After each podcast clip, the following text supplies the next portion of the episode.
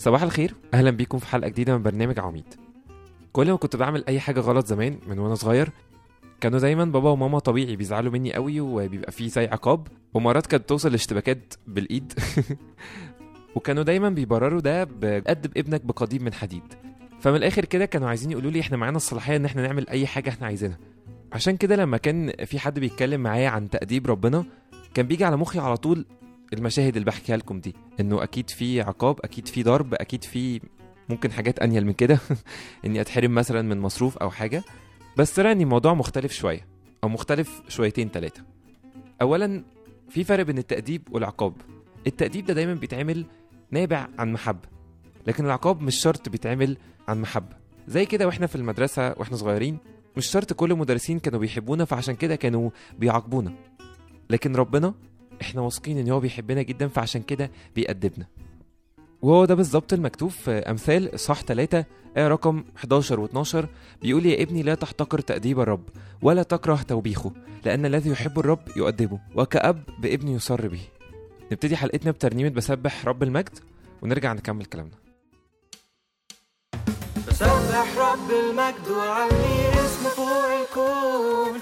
لما بيعلى وتقف قلبي بتتهد حصون بسبح رب المجد وعلي اسمه فوق الكون. هفضل أغني ليه بأعلى صوت.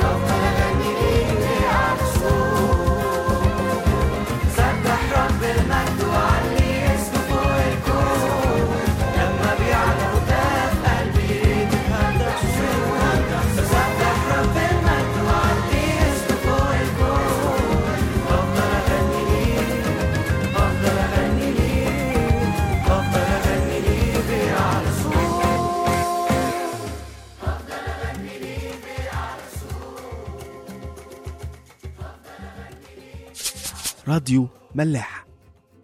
أكيد كلنا كأولاد ربنا نفسنا نكون فعلا تلاميذ لربنا ونتعلم إزاي نبقى كده.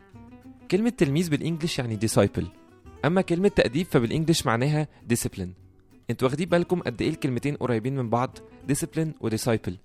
كأن ربنا عايز يقول لنا مش هتعرف تبقى تلميذ من غير التأديب بتاعي. طب يا ترى إيه نوع التأديب اللي ربنا بيتكلم عليه ده؟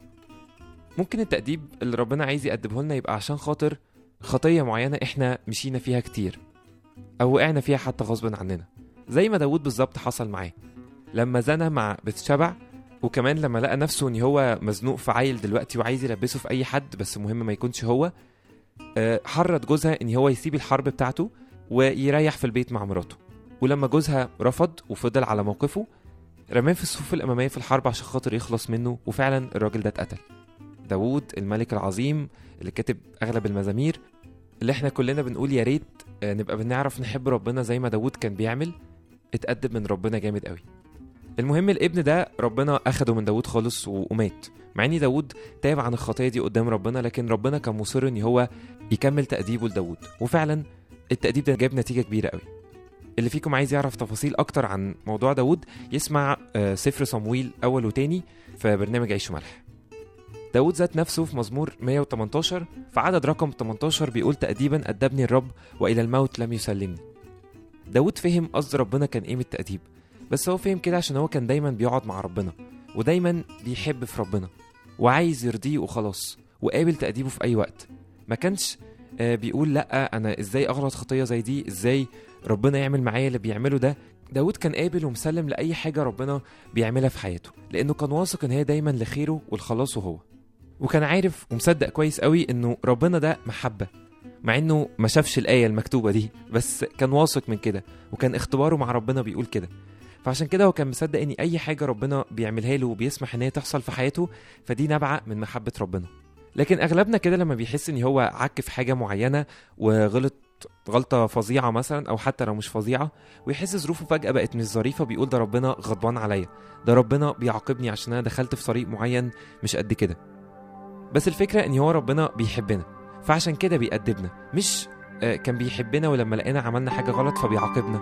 فرق كبير قوي في طريقة التفكير بتاعتنا. وإزاي إحنا بنستقبل التأديب ده بتاع ربنا. نسمع ترنيمه بدور عليك ونرجع نكمل كلامنا.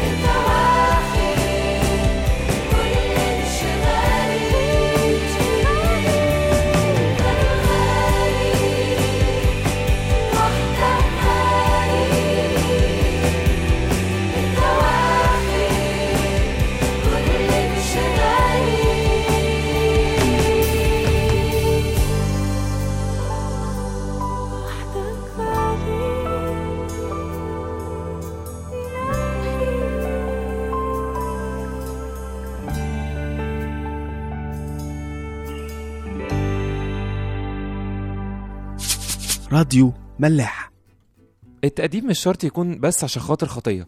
ممكن يكون في حاجة معينة بنعملها مش في نظر الناس خطية ومش في نظرنا إحنا خطية بس هي مش عاجبة ربنا.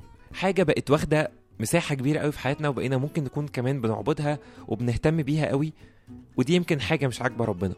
الحاجة دي ممكن تكون حد معين علاقة معينة أو حلم مثلا متمسكين بيه قوي أو حتى خدمة شغلانة عن ربنا. ربنا مرات بيقدمنا عشان خاطر عايز يقول لنا أنا عايز أبقى أهم حاجة في حياتكم أنا عايز أبقى أول أولوية في حياتكم. مرة كان في حد بيهتم بأصحابه قوي قوي قوي ودول بالنسبة له حاجة كبيرة قوي يمكن أغلى حاجة في حياته وما كانش حاسس إن هو بيعمل أي حاجة غلط.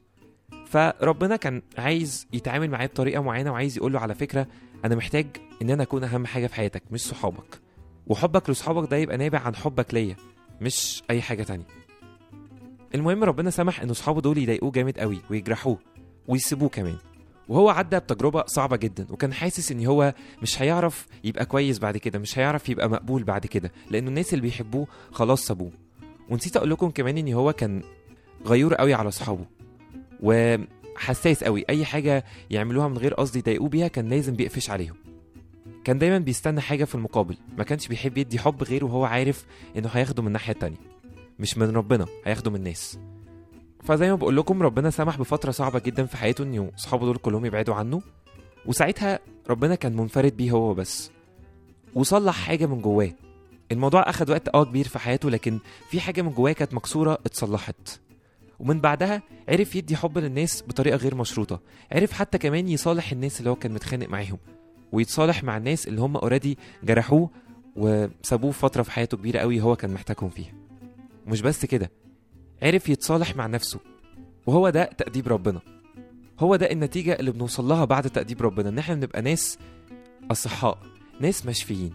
مع إنه الدنيا كانت ضلمة خالص في الأول في حياة الراجل ده وكان حاسس إن هو لوحده وكان حاسس إنه ربنا مش قابله وحتى الناس اللي كان معتمد عليهم برضه مش قابلينه. بس في الآخر الموضوع اتحول لحاجة حلوة قوي. اتحول إن هو بقى حد تاني خالص بعد الفترة دي أو التأديب ده اللي ربنا عمله. وهو ده بالظبط اللي بولس قايل عليه في رسالته للعبرانيين 12 من أول عدد 5 لعدد 12 هقرأ معاكم مكتوب إيه. وقد نسيتم الوعظ الذي يخاطبكم كبنين. يا ابني لا تحتقر تأديب الرب ولا تخز إذا وبخك لأن الذي يحب الرب يؤدبه ويجلد كل ابن يقبله. إن كنتم تحتملون التأديب يعاملكم الرب كبنين. فأي ابن لا يؤدبه أبوه ولكن إن كنتم بلا تأديب قد صار الجميع شركاء فيه. ثم قد كان لنا آباء أجسادنا مؤدبين وكنا نهابهم. أفلا نخضع بالأولى جدا لأبي الأرواح فنحيا؟ لأن أولئك أدبونا أياما قليلة حسب استحسانهم. أما هذا فلأجل المنفعة لكي نشترك في قداسته. ولكن لكل تأديب في الحاضر لا يرى أنه للفرح بل للحزن. أما خيرا فيعطى الذين يتدربون به ثمر البر للسلام. لذلك قوموا الأيادي المرتخية والركب المخلعة. كلام كتير قوي عاجبني في الحتة دي. بولس بيتكلم وبيقول إن إحنا من بدري ومن من وإحنا صغيرين كان لينا ناس على طول بتأدبنا ايا كان بقى هم الأهل اللي عندنا في البيت قرايبنا آه، المدرسين أو الدكاترة أو ايا كان الناس اللي إحنا كنا بنتعامل معاهم وكانوا أكبر مننا. بس قال إن هم تأديبهم ده ما كانش أحسن حاجة. كان يمكن بيدربونا أو بيأدبونا على حسب ما هم شايفين فين الصح. ومش دايما كمان. لكن ربنا هو إحنا واثقين فيه هو بيعمل كده ليه؟ هو بيعمل كده عشان خاطر المنفعة عشان خاطر الخير بتاعنا كلنا عشان خاطر خلاص نفوسنا. في آية عشرة أخيرة بيقول أما هذا فلأجل المنفعة لكي نشترك في قداسته. يعني من الآخر كده محدش هيدخل السماء من غير التأديب من غير ما يشيل الصليب بتاعه من غير ما ربنا ما يقصقص كل حتت الزيادة اللي فيه من غير ما ربنا ما يشيل كل الحتت العالية قوي اللي فيه يخليه فعلا متواضع بالروح. وفي آية 11 بيقول إنه طبيعي قوي إن مفيش أي تأديب أو عقاب بيبقى مفرح. مفيش حد بيقول أنا بتأدب دلوقتي أو بتعاقب بيبقى فرحان وبيضحك. لازم بيكون زعلان ووشه أو راسه يعني موطيها الأرض لكن ده زي ما قلنا في أول الموضوع. لكن بعد كده دايما بيبقى للخير والخلاص نفوسنا. بس ده اللي هيكمل. وفي الآخر آية رقم 12 بولس بيقول لذلك قاوموا الأيادي المرتخية والركب المخلعة. بولس بيقول يعني من الآخر مش هتعرفوا تفهموا كل الكلام اللي أنا بقوله ده غير لو قعدتوا مع ربنا غير لو عرفتوا هو مين ربنا وبيعمل كده ليه.